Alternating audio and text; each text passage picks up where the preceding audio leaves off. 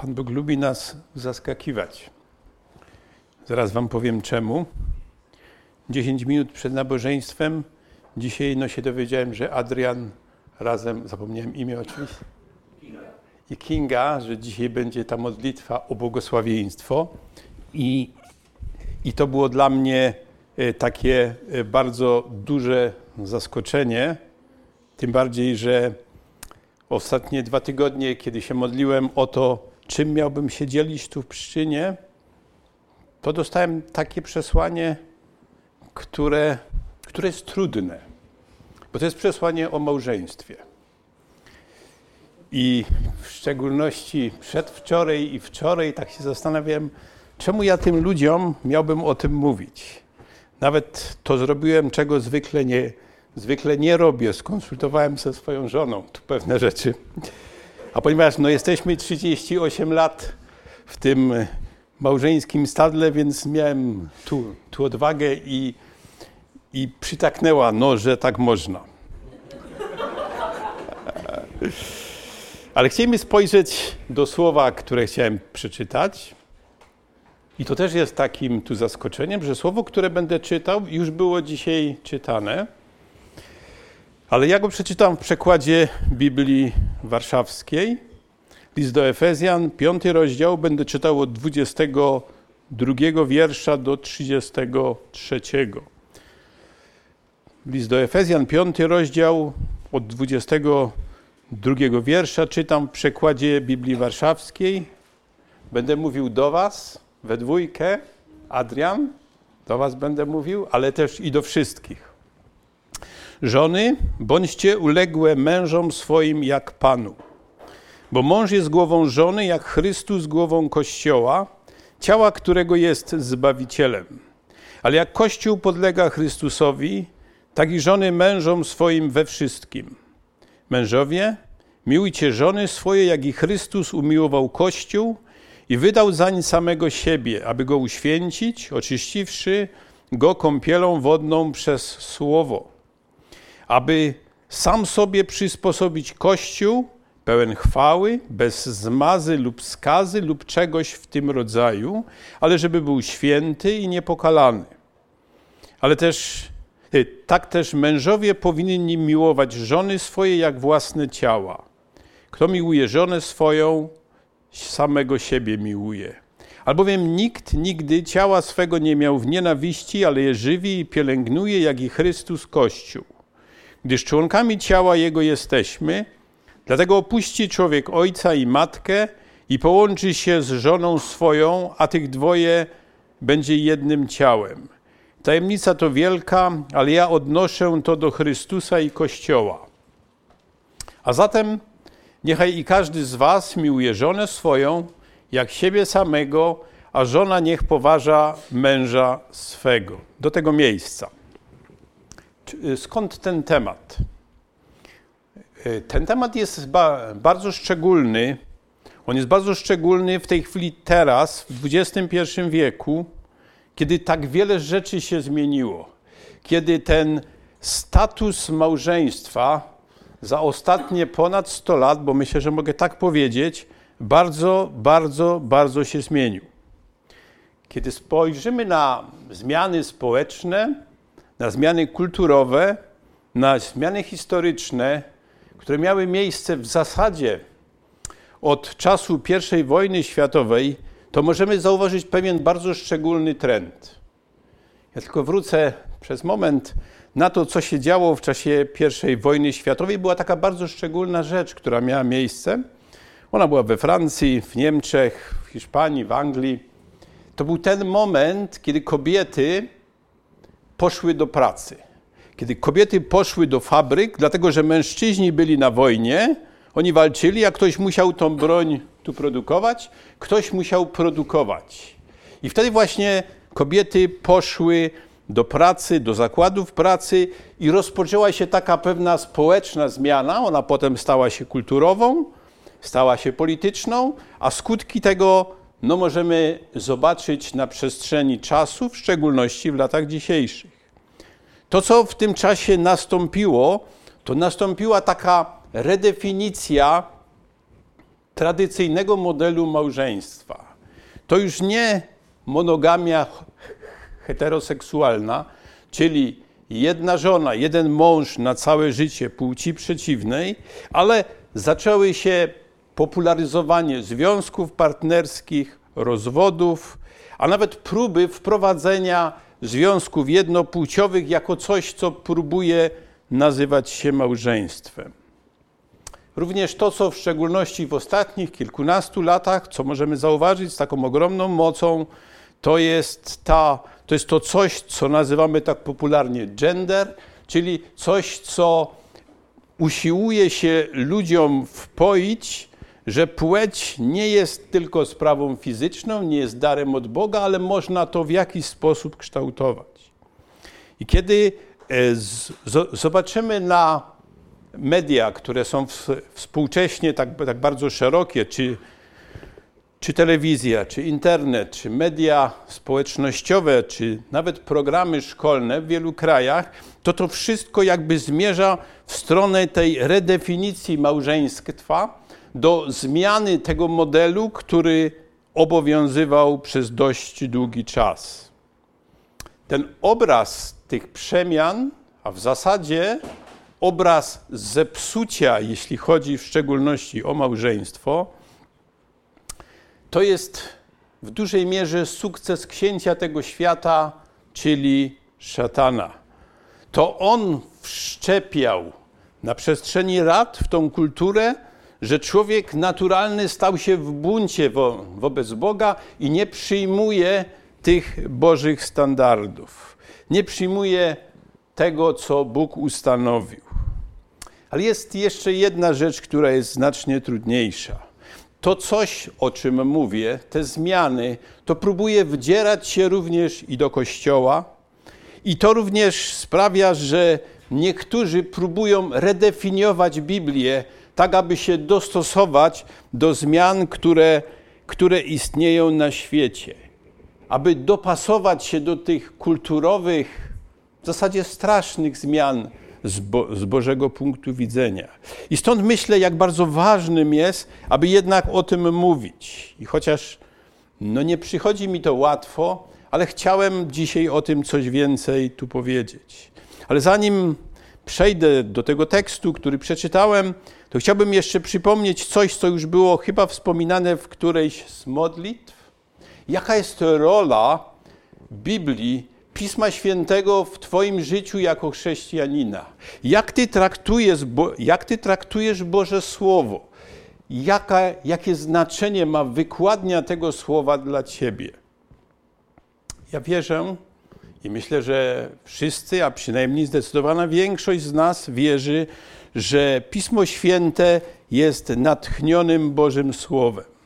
Ja myślę, że wszyscy bardzo dobrze znamy ten tekst, ale no ponieważ chwila jest ku temu szczególna, przeczytam drugi list apostoła Pawła do Tymoteusza, trzeci rozdział, szesnasty i siedemnasty werset, które mówią tak.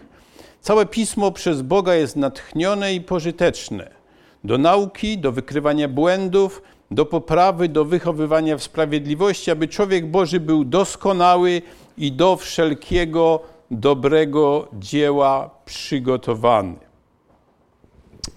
Biblia jest cudownym przesłaniem. Jest przesłaniem, w którym Bóg pokazuje człowiekowi drogę powrotu do Niego. A tą drogą powrotu do Niego jest Pan Jezus Chrystus, który przyszedł, aby umożliwić nam z powrotem powrót do społeczności z Nim. I dlatego jest tak bardzo ważne. Człowiek, który chce powrócić do Boga, człowiek, który chce prawdziwie powrócić do Boga, powinien, a w zasadzie musi, korzystać z Pisma Świętego jako natchnionego Bożego Słowa. Jako tego słowa, które jest przewodnikiem w codziennym życiu. I ucząc Biblii, Mamy ten szczególny obowiązek, aby uczyć całej Biblii, aby uczyć tego, co Biblia naprawdę mówi, nie próbując przekręcać jej, aby to pasowało do współczesnej kultury. Jedną z takich rzeczy, Jedna z takich rzeczy już też była dzisiaj wspomniana. List do Hebrajczyków, 13 rozdział i 4 werset. Chciałbym go przeczytać, bo on jest bardzo istotny. List do Hebrajczyków, 13 rozdział i 4 werset mówi nam tak. Małżeństwo niech będzie we czci u wszystkich, a łoże nieskalane. Rozpustników bowiem i cudzołożników sądzić będzie Bóg. Małżeństwo niech będzie we czci u wszystkich, a łoże nieskalane. Bracia i siostry, szanowni słuchacze, to jest przesłanie Biblii. I to przesłanie Biblii jest ponadczasowe, ponadkulturowe i ono jest dla nas dzisiaj. Ono jest w szczególności dla małżeństw i do i dla naszego spoglądnięcia czy spoglądania, a także przestrzegania tego, co Biblia mówi o małżeństwie. I po tym wstępie chciałbym przejść do tego tekstu z listu do Efezjan.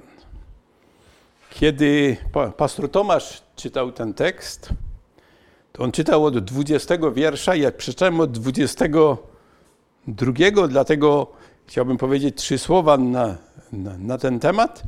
Jeśli chodzi o tekst, generalnie, który przeczytałem w polskich przekładach, w zasadzie on jest wszędzie jednakowy. W zasadzie nie ma różnic. W przekładzie słowa życia, no ale to nie jest przekład jakiś taki, e, powiedzmy, bardzo istotny, to jest taka bardziej tu parafraza, jak, prze, jak przekład. On brzmi tak: Żona niechaj będzie oddana mężowi którym, w którymś z przekładów ekumenicznych też jest troszeczkę to inaczej sformułowane i również w tym przekładzie NPD, który niektórzy tak bardzo lubią, to tam jest też tak troszeczkę pozmieniane. Ale 95% polskich przekładów ten tekst, jeśli chodzi o wiersz 22, żony bądźcie uległe mężom swoim, przekazuje jednakowo. Natomiast to, co zauważyłem w tych nowszych przekładach, czyli w przekładach, które czytał brat Tomasz, jest o tyle inaczej, że w przekładzie, z którego ja czytałem, czyli Biblii tu warszawskiej, gdzie mamy takie podtytuły. Wiemy, że podtytuły nie są tu natchnione, ale tłumacze stara, starali się, starają się w jakiś sposób nam pomóc i to chrześcijańskie życie rodzinne u mnie w przekładzie Biblii y, warszawskiej jest od wiersza 22, natomiast na przykład w innych przekładach, w kilku innych jest od wiersza 21, czyli wiersz 21, który brzmi: Ulegajcie jedni drugim w bojaźni Chrystusowej. Bardziej konserwatywni komentatorzy twierdzą, że jednak ten właściwy podział jest od wiersza 22 i pozwólcie, że się go będę trzymał. A więc spójrzmy no już teraz na poszczególne fragmenty tego tekstu, który przeczytałem. Ten tekst mówi o małżeństwie, i ten tekst mówi o żonach, i, te, i ten tekst mówi o, o mężach. A więc mówi, mówi o, o małżeństwie i o tych najistotniejszych uczestnikach tego małżeństwa, czyli o mężu i o żonie, o dzieciach to jest później i to nie jest temat na dzisiaj.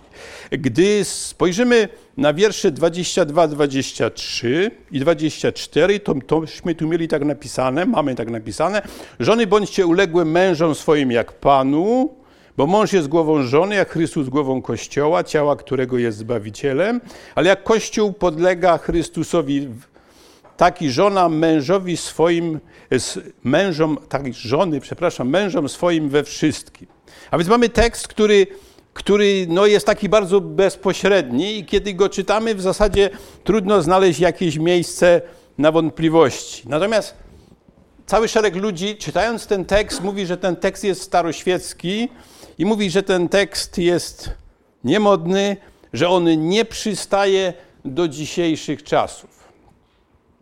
Ze względu na czas, bo nie chciałbym zbytnio się rozgadać, y, chciałbym na to tak odpowiedzieć. Po pierwsze, już nawet tu pomijając, że jest to Pismo Święte jako Słowo Boże, ale to nie jest jedyne miejsce w Piśmie Świętym, w Nowym Testamencie, które o tym mówi. Bo tak samo mówi o tym na przykład list do Kolosan, tak samo mówi o tym list apostoła Pawła do Tytusa. Tak więc jest więcej miejsc w Bożym Słowie, które wskazują na to, co tu jest napisane. Żony bądźcie uległe mężom swoim. A więc jedną z ról żon w małżeństwie jest uległość względem męża. Tak jak wspomniałem, no nie jest to modne, ale tak mówi Biblia. Chciałbym to tak określić. To jest takie pokorne rozpoznanie Bożego porządku. To jest pokorne rozpoznanie Bożego porządku i dodam w rodzinie. Nie w społeczeństwie, ale w rodzinie. Wewnątrz tu rodziny, w małżeństwie, to jest Boży porządek, który z żadnych względów by nie powinniśmy roznosić na całe społeczeństwo. Ale to się odnosi konkretnie do tej komórki, do żony względem własnego męża. Tu mamy napisane no tak bardzo jasno: żony bądźcie uległe mężom swoim. Nie komuś więcej, ale swoim mężom. A więc tu jest mowa o takiej uległości żony względem własnego męża. I to się nie odnosi do miejsca żony, do miejsca kobiety w społeczeństwie, co jest jakby zupełnie inną sprawą. Chciałbym też dodać, no tak bardzo jasno, że to w żaden sposób nie jest sprawa, że mężczyzna czy mąż zmusza żonę do tego. To nie jest sprawa jakiejś dyskryminacji, jakiejś tyranii, jakiejś, jakiegoś zdominowania, ale jest to dobrowolne i niewymuszone. Spójrzmy, tak, tak mówi Biblia. Jest to dobrowolne i niewymuszane. Jest to radosne, a nie żałosne.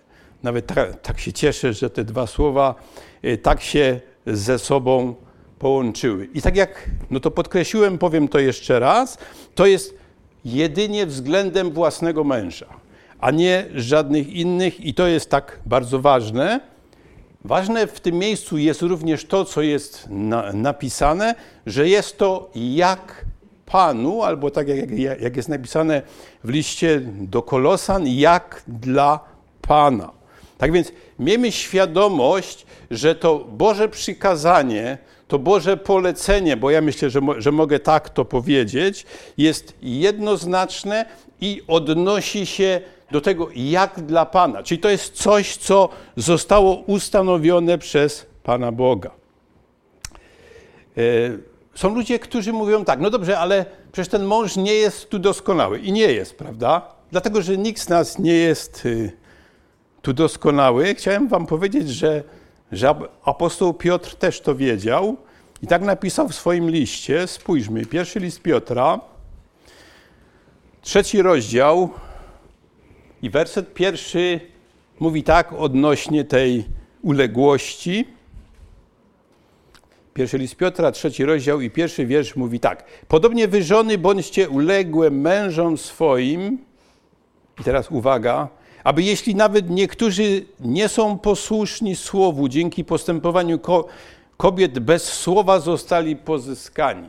A więc to miejsce wskazuje nam tak bardzo jasno, Piotr w swoim liście wskazuje nam tak bardzo jasno, że ten mąż wcale nie jest tu doskonały. To, że on ma być tą głową, a żona ma być mu podległa jak w Panu, nie oznacza w żaden sposób doskonałości męża. I to jest pierwsza rzecz, którą, na którą chciałem zwrócić uwagę, bo niektórym tak się wydaje, że widocznie ten mąż jest tu doskonały, skoro, żona musi być posłuszna. Ale również chciałbym tu podkreślić coś bardzo ważnego, że w żadnym przypadku nie oznacza to niższości żony względem męża. Dlatego, że no zarówno mąż, jak i żona są ludźmi, którzy dożyli odkupienia w Panu Jezusie Chrystusie. Spójrzmy list apostoła Pawła do, do Galacjan, trzeci rozdział i werset 28, list apostoła Pawła do Galacjan, trzeci rozdział i 28 werset mówi nam tak. Hmm, może 27, 28. 27. Bo wszyscy, którzy zostaliśmy w Chrystusie ochrzczeni, przyoblekliście się w Chrystusa. Nie masz Żyda ani Greka, nie masz niewolnika ani wolnego, nie masz mężczyzny ani kobiety, albowiem wy wszyscy jedno jesteście w Chrystusie Jezusie. To słowo jest bardzo ważne. Wy wszyscy jedno jesteście w Chrystusie Jezusie. Nie ma mężczyzny ani kobiety. Jeśli chodzi o dzieło zbawienia, jeśli chodzi o wartość w Bożych oczach, jeśli chodzi o współuczestniczenie w odkupieńczym dziele Pana Jezusa Chrystusa, jest dokładnie równość. Jest takie samo traktowanie. Spójrzmy jeszcze do pierwszego listu apostoła Pawła e, do Koryntian, do rozdziału 11 i do 11 wiersza, gdzie apostoł Paweł w tym fragmencie również różnicuje pozycję, natomiast jeśli chodzi o ważność, to mówi, że jest jednakowo. Pierwszy list apostoła Pawła do Koryntian, 11 rozdział, 11 werset mówi nam tak. Zresztą w Panu kobieta jest równie ważna dla mężczyzny, jak mężczyzna dla kobiety. A więc Słowo Boże nam mówi, że ważność, znaczenie mężczyzny i kobiety w sensie żony i męża w świetle Pisma Świętego jest dokładnie jednakowe. I z tego sobie tu musimy zdać sprawę, kiedy mówimy o tej uległości żony względem męża. Skoro tak jest wszystko, no, no jednakowo, to w czym jest ta różnica? W wierszu 23 żeśmy czytali tak, bo mąż jest głową żony, jak Chrystus głową Kościoła. Bo mąż jest głową żony. A więc jest różnica w funkcji. Jest różnica w pełnieniu funkcji i tą różnicę tu apostoł Paweł i nie tylko tutaj tak bardzo mocno podkreśla, bo mąż jest głową żony, bo mąż jest powołany do tego, aby być tym przewodnikiem, aby, i, aby być tym, który idzie na czele, a żona idzie niejako w tej uległości za nim. I ten moment też jest no, tak, bardzo do, tak bardzo ważny. Ale chciałem i to powiedzieć dlatego, że to w dzisiejszych czasach jest bardzo znamienne. Są tacy mężowie, całkiem ich jest sporo, którzy mówią tak, no ale moja żona jest taka mądra, że ja jej to wszystko przekazałem, że ja jej delegowałem te wszystkie uprawnienia.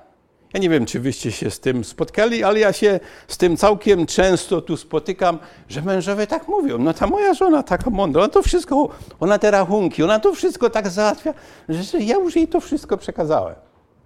Bracia i siostry, delegacja, czy zlecenie, delegowanie komuś jakichś uprawnień to nie jest abdykacja. Mężczyźni, bracia, mężowie, miejmy tego świadomość, że nawet delegowanie pewnych uprawnień to nie abdykacja.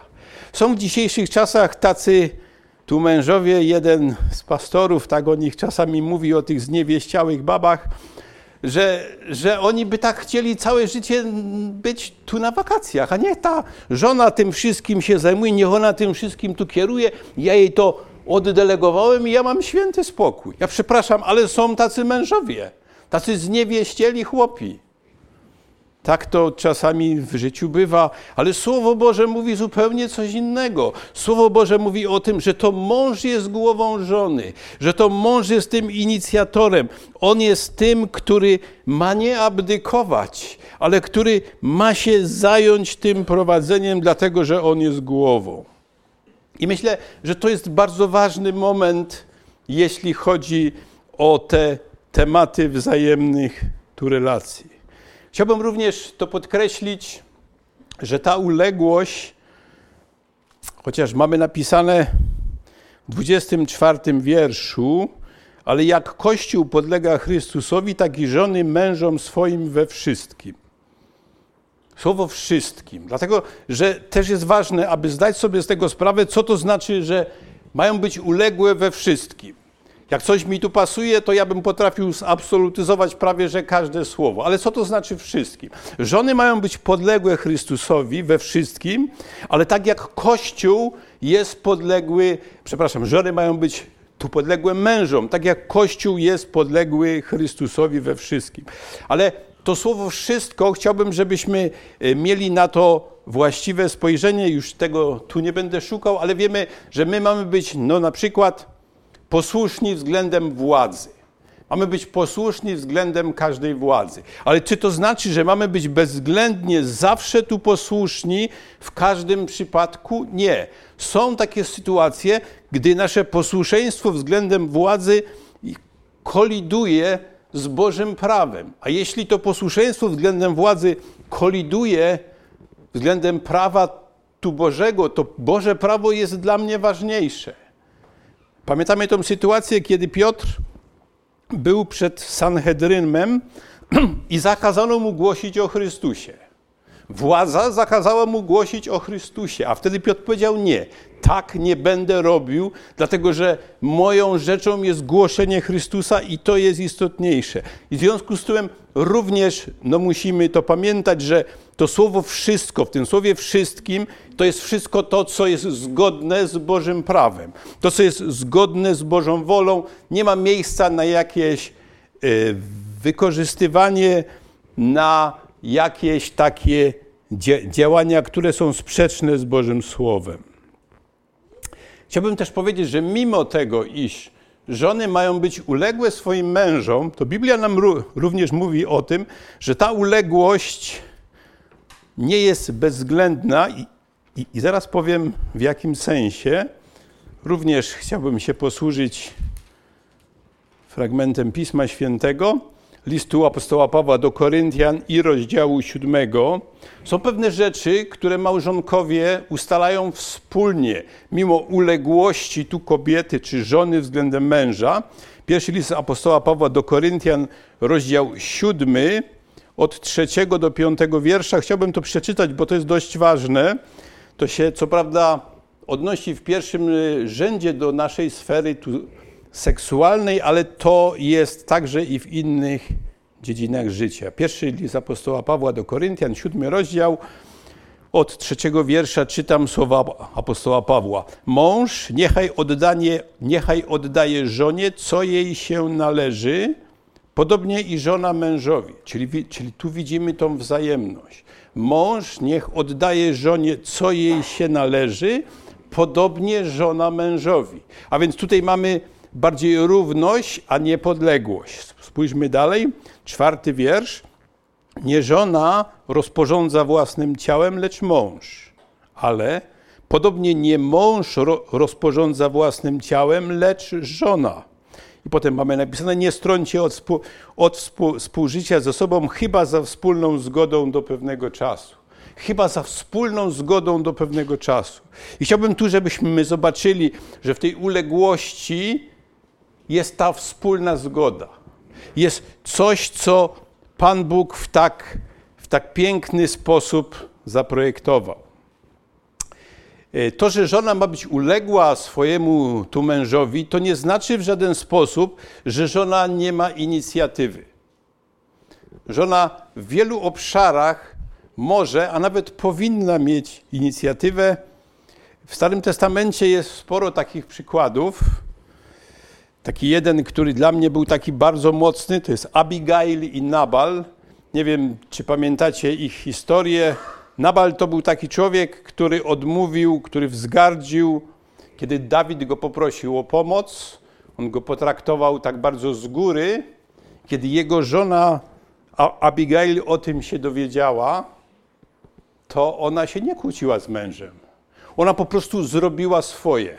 Ona przejęła inicjatywę i doszła do porozumienia z, da, z, da, z Dawidem i dzięki temu za, zachowała swoje życie, ży, życie swojego męża, który zresztą potem i tak wkrótce zmarna, zmarnazawał. Tak więc to, to zagadnienie tej uległości my musimy rozumieć w, takim, w takich ramach, w jakim pokazuje nam to Boże Słowo. Oczywiście e, w szczególności dla ludzi, którzy nie chcą znać Biblii, albo też dla, dla ludzi, którzy jej nie czytają, to wiecznie powstaje to pytanie, dlaczego Pan Bóg tak to zrobił? Czemu akurat tak, a nie inaczej? Zmieniają się czasy, Biblia jest nieadekwatna do czasu. Żeby, żeby na to odpowiedzieć, to musielibyśmy spojrzeć do pierwszej księgi Mojżeszowej, do samych tu początków, do początków stworzenia, gdzie czytamy tak bardzo jasno, ja, ja przeczytam wiersz 26 z pierwszego rozdziału. Potem rzekł Bóg, uczyńmy człowieka na obraz nasz, podobnego do nas, niech panuje nad rybami morskimi, nad ptactwem niebieskim, nad bydłem i nad całą ziemią, nad wszelkim płazem pełzającym po ziemi. I stworzył Bóg człowieka na obraz swój, na obraz Boga stworzył go, jako mężczyznę i niewiastę stworzył ich. Gdy popatrzymy na stworzenie, czyli na to Boże dzieło, kiedy Bóg stworzył świat, a także człowieka, to, ma, to mamy napisane, że Bóg stworzył człowieka na swój obraz, że stworzył mężczyznę i kobietę, że stworzył i jednego, i drugiego. I oni są równi, ale nie są identyczni. To jest też dość ważne, żeby sobie z tego zdać sprawę, że mężczyzna i kobieta w dziele stworzenia są równi, jest na nich znak równości, ale oni nie są identyczni. Oni się wzajemnie uzupełniają i fizycznie, i psychicznie. Ich role nie są zamienne. I to jest rzecz, która, którą tak często trudno przyjąć. Z kolei w rozdziale drugim pierwszej księgi Mojżeszowej w 20 wierszu czytamy tak. Nadał też człowiek nazwy wszelkiemu bydłu, ptactwu niebios, wszelkim dzikim zwierzętom, lecz dla człowieka nie znalazła się pomoc dla niego odpowiednia. To, że człowiek, pierwszy człowiek jako mężczyzna nazwał te zwierzęta, że panował nad nimi, to nie było dla niego odpowiednia pomoc. I potem tak czytamy, bardzo dobrze znamy ten fragment, który zesłał Pan Bóg głęboki sen na człowieka, także zasnął, potem wyjął jedno z jego żeber i wypełnił ciałem to miejsce, a z żebra, które wyjął z człowieka, ukształtował Pan Bóg kobietę i przyprowadził ją do człowieka. Wtedy rzekł człowiek, to dopiero jest kość z kości mojej i, ciał, i, i ciałem z ciała mojego, będzie się nazywała mężatką, gdyż z męża została wzięta. A więc stworzenie, jak żeśmy czytali w, w rozdziale pierwszym, jest o jednakowej ważności, ale ma inne funkcje. Mamy tu napisane tak, tak bardzo jasno, mówi Pan Bóg, stworzę pomoc, która jest dla tego człowieka odpowiednia. A więc w dziele stworzenia tak bardzo jednoznacznie zostało to przekazane, że są równi, ale nieidentyczni i niezamienni. I to, że nie są, że nie są zamienni, jest tak bardzo ważne. Gdy spojrzymy na Nowy Testament, gdy spojrzymy na apostoła Pawła, który także całkiem sporo mówi na temat stworzenia, już cytowany jedenasty rozdział pierwszego listu do, do Koryntian, w ósmym wierszu czytamy tak, bo nie mężczyzna jest z kobiety, lecz kobieta z mężczyzny. I tutaj w ten sposób apostoł Paweł wskazuje nam na przyczyny, dla której to mężczyzna jest głową, jest tym prowadzącym. A więc kobieta została stworzona, tak jak żeśmy czytali, po Adamie. W pierwszym liście do Tymoteusza, w drugim rozdziale, 13 wierszu, tam czytamy, że kobieta została stworzona dla Adama. A z kolei w dziewiątym wierszu tego jedenastego rozdziału czytamy, albowiem mężczyzna nie jest stworzony ze względu na kobietę, ale kobieta ze względu na mężczyznę. Tak więc Paweł, który który jak na tamte czasy i tak był ogromnym tu rewolucjonistą, mówi nam, nam wyraźnie, że to Ewa była z Adama, że Ewa była po Adamie i że Ewa była dla Adama. Czyli to nam tu pokazuje tą właściwą hierarchię, jeśli chodzi o małżeństwo. Mało tego, tu możemy zauważyć w tych tekstach, że nie jest to sprawa kulturowa, dlatego że bardzo często się tak usiłuje mówić, że no, dzisiejsze czasy są inne. My musimy mieć tą świadomość, że kiedy Paweł pisał ten tekst, to kobiety w zasadzie tu nie miały żadnych praw, to po pierwsze, a po drugie coś takiego jak miłość mężczyzny tu do kobiety, taka bezwarunkowa, w ogóle nie istniała. A więc Paweł w żaden sposób nie opierał się na kulturze w Efezie, ale on się opierał na zupełnie czymś innym. On się opierał na nauce o dziele stworzenia. On się opierał na nauce czy doktrynie o odkupieniu, dlatego że się powołuje na, na Pana Jezusa Chrystusa, a nawet w tym się, się opiera na nauce o trójjedynym Bogu.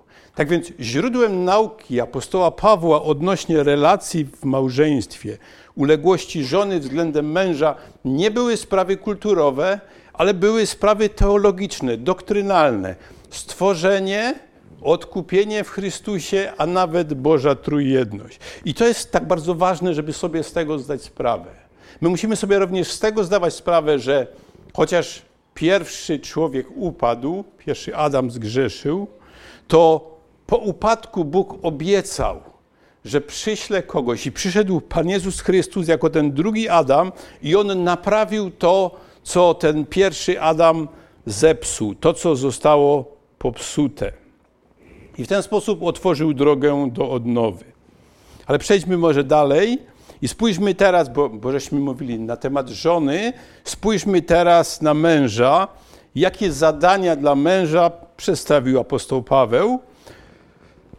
Czytamy o tym w wierszu 23, który już żeśmy wspomnieli, bo mąż jest głową żony i potem od 25 wiersza czytamy Mężowie miłujcie żony swoje, jak Chrystus umiłował Kościół i wydał zań samego siebie. 28 werset, tak też mężowie powinni miłować żony swoje. I ostatni werset, 33, tak niechaj i każdy z was miłuje żonę swoją. Spójrzmy, gdy patrzymy na to, co apostoł Paweł pisze odnośnie mężów teraz, to to, co jest ciekawe w tym tekście, apostoł w żaden sposób nie podaje nam takiej listy wymagań odnośnie męża, tak jak to mówią młodsi lu ludzie, tej żadnej tak zwanej to-do list, ale mówi tylko o jednej rzeczy. Mężowie, miłujcie swoje żony. Ale w tym stwierdzeniu mężowie, miłujcie swoje żony, jest coś, na co tu musimy bliżej spojrzeć. W każdym z tych wierszy, które, które przeczytałem, gdzie jest mowa o tym, że mąż ma miłować swoją żonę, jest użyte takie jedno bardzo szczególne słowo, słowo agape. To jest słowo miłość i tutaj jest tak napisane mężowie agape swojej żony. Ktoś by mógł no, tak, się, tak się zapytać, ale jakie to ma znaczenie? Otóż gdy ktoś bliżej czyta Biblię, gdy ktoś jakikolwiek spo, w jakikolwiek sposób miał coś wspólnego z Greką, to to wie, że to jedno polskie słowo miłość to są aż cztery greckie słowa, które ten stan opisują. I to są y, słowa eros, to jest taka miłość bardziej natury seksualnej, to jest bardziej tu porządliwość, to się odnosi e, bardziej do wzajemnych tu relacji między e, re, relacji seksualnych między mężczyzną i kobietą. To jest miłość, która mówi bierz, to jest eros. Potem mamy takie greckie słowo na miłość storge, którego nie ma w Nowym Testamencie. To jest miłość, która jest bardziej w rodzinie, między ojcem, na przykład synem, matką, córką i tak dalej. To jest drugie słowo storge. Trzecie słowo to jest słowo fileo, to jest również miłość bardziej jako przyjaźń. I to jest słowo, które mówi bardziej dawaj i bierz. I wreszcie czwarte słowo na słowo miłość to jest greckie słowo agape i to jest miłość, która się poświęca, to jest miłość, która mówi daję. Tak więc te cztery greckie słowa opisują nam to polskie miłość i każde z nich ma troszeczkę inny znaczeniowy odcień. I to, co tu mamy podkreślone za każdym razem, jest to mężowie agape własne żony. I to słowo agape to jest taka miłość, która jest no, taka bezwarunkowa. To jest miłość, która daje, nawet nie oczekując za dużo w zamian. Gdybyśmy chcieli przyjrzeć się temu słowu agape, jak to ma wyglądać, to myślę, że ci mężowie, którzy czasami mają z tym problem, że podkreślają bardzo tą uległość, gdyby zobaczyli, co się mieści w tym słowie agape, to by popatrzyli na to inaczej. Pierwszy list apostoła Pawła do Koryntian, 13 rozdział, wszyscy wiemy o czym on jest, to jest ten hymn o miłości. I to jest ten hymn i w tym hymnie mamy definicję, może nawet spojrzę na kilka kilka wierszy, które o tym mówią. Pierwszy list do Koryntian, 13 rozdział, ten hymn o miłości, to jest hymn o tej miłości agape, czyli tej, która daje. I to słowo wówczas znaczy, czwarty wiersz, miłość jest cierpliwa, Miłość jest dobrotliwa, nie zazdrości, miłość nie, chełpi, nie jest chełpliwa, nie nadyma się, nie postępuje nieprzystojnie, nie szuka swego, nie unosi się, nie myśli nic złego, nie raduje się z niesprawiedliwości, ale się raduje z prawdy. Wszystko zakrywa, wszystkiemu wierzy, wszystkiego się spodziewa, wszystko znosi. Taka miłość nigdy nie ustaje. A więc, gdy zobaczymy na definicję tej miłości i teraz włożymy to w to określenie mężowie, miłujcie agapę swoje żony, to możemy zobaczyć, że ta lista zadań, to to-do list jest ogromne. Jest tu niesamowite. I apostoł Paweł pisząc ten tekst, miał w tym bardzo konkretny cel, bo apostoł Paweł pokazuje przez to, że jeżeli mężczyzna, jeżeli mąż agapę kocha swoje, swoją żonę, to nie zrobi jej żadnej krzywdy. To będzie chciał dla niej tego, tego najlepszego, tego najwłaściwszego. I o tym ci mężowie często no, zapominają, że mają kochać w ten sposób swoje żony.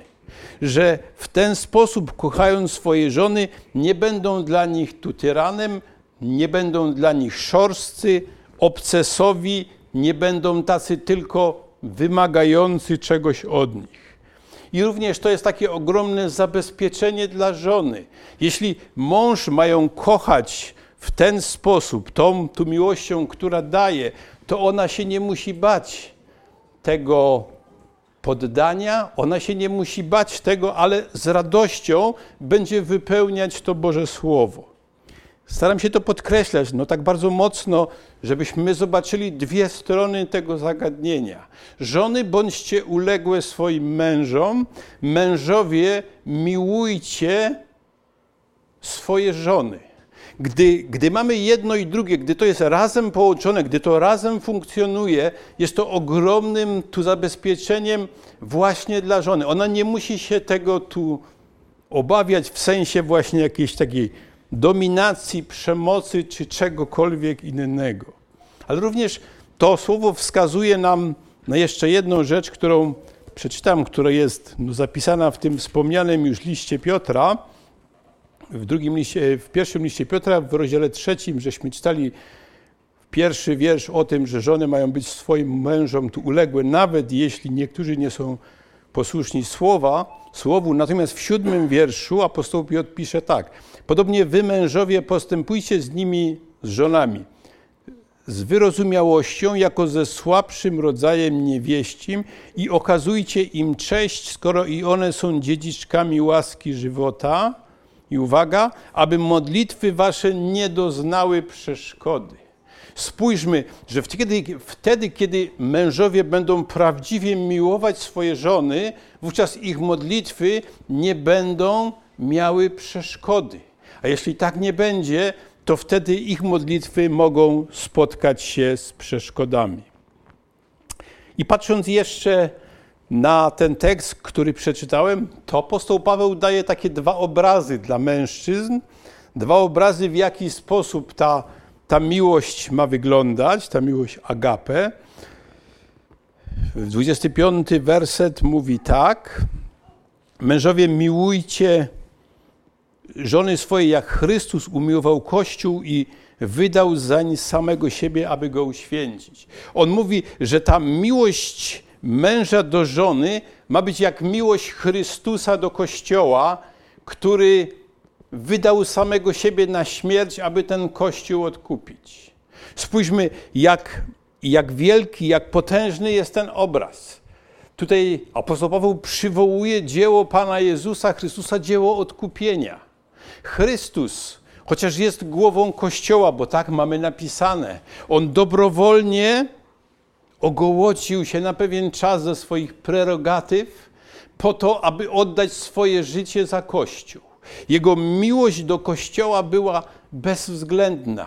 Chrystus tylko dawał. Gdy my byliśmy jeszcze grzesznikami, Chrystus za nas umarł. A więc jest pierwszy obraz, który który daje nam Paweł, ta miłość męża do żony ma być taka jak Chrystusa do Kościoła, który oddał za niego swoje życie po to, aby ten Kościół był pełen chwały, bez zmazy lub skazy lub czegoś w tym rodzaju. To nam tu pokazuje, że miłość męża do żony ma prowadzić do duchowego rozwoju mojej czy Twojej żony.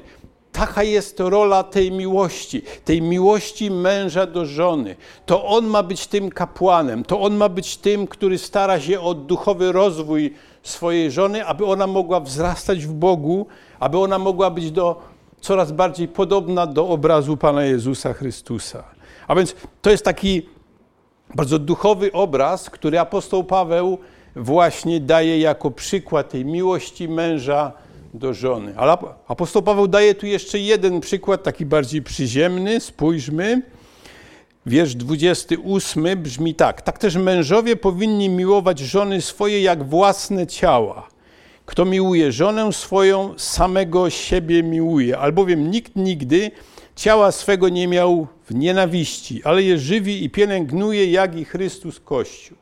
Tu z kolei mamy drugi taki obraz, który daje nam Paweł. Mąż ma miłować żonę jak własne ciało. No i mówi, no przecież jest to logiczne, przecież jest to naturalne, że każdy mąż, każdy mężczyzna dba o swoje ciało, żeby ono funkcjonowało. On je karmi, on je przyodziewa, on mu daje wszystko to, co jest potrzebne. Daje mu sen, daje mu miejsce, gdzie ma mieszkać i tak dalej. I taka miłość, jaką mamy dla własnego ciała, a Paweł mówi, a nikt z nas nie ma własnego ciała w, w nienawiści, powinna być miłością męża do żony. A więc to jest drugi obraz, drugi przykład, który apostoł Paweł przekazuje, w jaki sposób mężowie mają kochać swoje żony. Tak więc podsumowując to, Biblia mówi nam bardzo jasno, że mężowie powinni kochać swoje żony, jak Chrystus umiłował Kościół, ale też jak miłują swoje własne ciało. Bo jeśli tak będzie, wówczas troska będzie o to, aby ta druga strona się rozwijała, troska będzie o to, aby ta druga strona również była świętą. Spójrzmy, że te dwie rzeczy, te dwa przykłady, które pokazują nam, nam na sposób postępowania mężczyzny w miłości, są z jednej strony bardzo proste, a z drugiej strony są bardzo trudne. One są bardzo trudne dlaczego? Dlatego, że mąż w sposób naturalny nie jest zdolny do takiej tu miłości do żony, jak Chrystus umiłował Kościół. Człowiek naturalny, no mężczyzna, nie jest tego w stanie. I, I, taka sama rzecz jest z żoną, która nie jest w stanie w sposób naturalny być poddana swojemu mężowi, być posłuszna swojemu mężowi, bo te kulturowe wpływy, no to wszystko są takie, że i ona się buntuje. Ale jest to możliwe przez Pana Jezusa Chrystusa. Jest to możliwe dzięki Panu Jezusowi Chrystusowi, dzięki Jego ofierze tam na krzyżu Golgoty. To On sprawił, że to małżeństwo może zacząć funkcjonować z powrotem według Bożego wzoru. To On sprawił, że jest to możliwe i jest to realne. To Duch Święty sprawia ten cud. On sprawia ten cud na przestrzeni dni, tygodni, miesięcy i lat, aby to małżeństwo mogło być według tu Bożego wzoru. Spójrzmy na wiersz 30, 31 jeszcze i 32, tu mamy napisane tak. Gdyż członkami ciała Jego, to znaczy Chrystusa jesteśmy, dlatego opuści człowiek ojca i matkę i połączy się z żoną swoją i tych dwoje będzie jednym ciałem. Tajemnica to wielka, ale ja odnoszę to do Chrystusa i Kościoła. Spójrzmy, że cały czas, kiedy apostoł Paweł mówi o małżeństwie, o relacjach, o postawie męża, o postawie żony, odnosi to do Chrystusa. I, I mówi tak, bo my jesteśmy członkami ciała Chrystusowego. A potem w taki zaskakujący sposób przechodzi, bo mówi, e, dlatego opuści człowiek ojca i matkę i połączy się z żoną swoją. Spójrzmy, to małżeństwo jest takim obrazem relacji między Chrystusem i Kościołem. W W innych miejscach mamy Chrystusa przedstawionego jako oblubieńca, a Kościół jako oblubienicę. I małżeństwo to jest taki mikrokosmos. To jest taki, taki miniaturowy obraz całego Kościoła. I to jest, to, to jest ta tajemnica, o której mówi apostoł Paweł. Ci dwoje będą jednym ciałem. Wiemy, że to nie jest prawdą w, w, w matematyce, ale to jest prawdą odnośnie małżeństwa. Jeden plus jeden równa się jeden. Ci dwoje będą jednym ciałem. Jest to możliwe dzięki dziełu Pana Jezusa Chrystusa. Coś, co w tym tekście również jest takie bardzo znaczące, to apostoł Paweł mówi tak: tajemnica to wielka, ale ja odnoszę to do Chrystusa i Kościoła. To jest wielka tajemnica w jakim sensie? To jest tajemnica, którą Bóg przeznaczył dla człowieka. To jest ta tajemnica, która została dopiero odkryta w Chrystusie. W innych miejscach apostoł w tym samym liście mówi o tym, że to, ta tajemnica została odkryta w Chrystusie i teraz nadziemskie władze i zwierzchności mogą być tego świadkami, mogą być zadziwiane tymi Bożymi cudami. To jest w trzecim rozdziale listu do, do Efezjan i w dziesiątym wierszu, aby teraz nadziemskie władze i zwierzchności w okręgach niebieskich poznały przez Kościół różnorodną mądrość Bożą. To, że małżeństwo jest miniaturą, miniaturowym obrazem jedności Chrystusa z Kościołem, komu się nie podoba. To się nie podoba przeciwnikowi diabłu.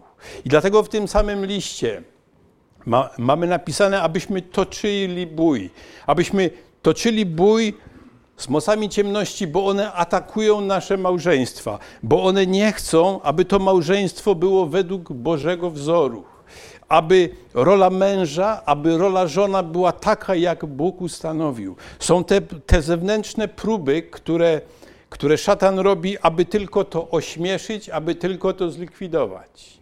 Ale Chrystus dał nam moc. On nam dał siłę do tego, aby nasze małżeństwa mogły być według Bożego wzoru. I niech Pan Bóg da łaski, aby tak się właśnie działo. Amen.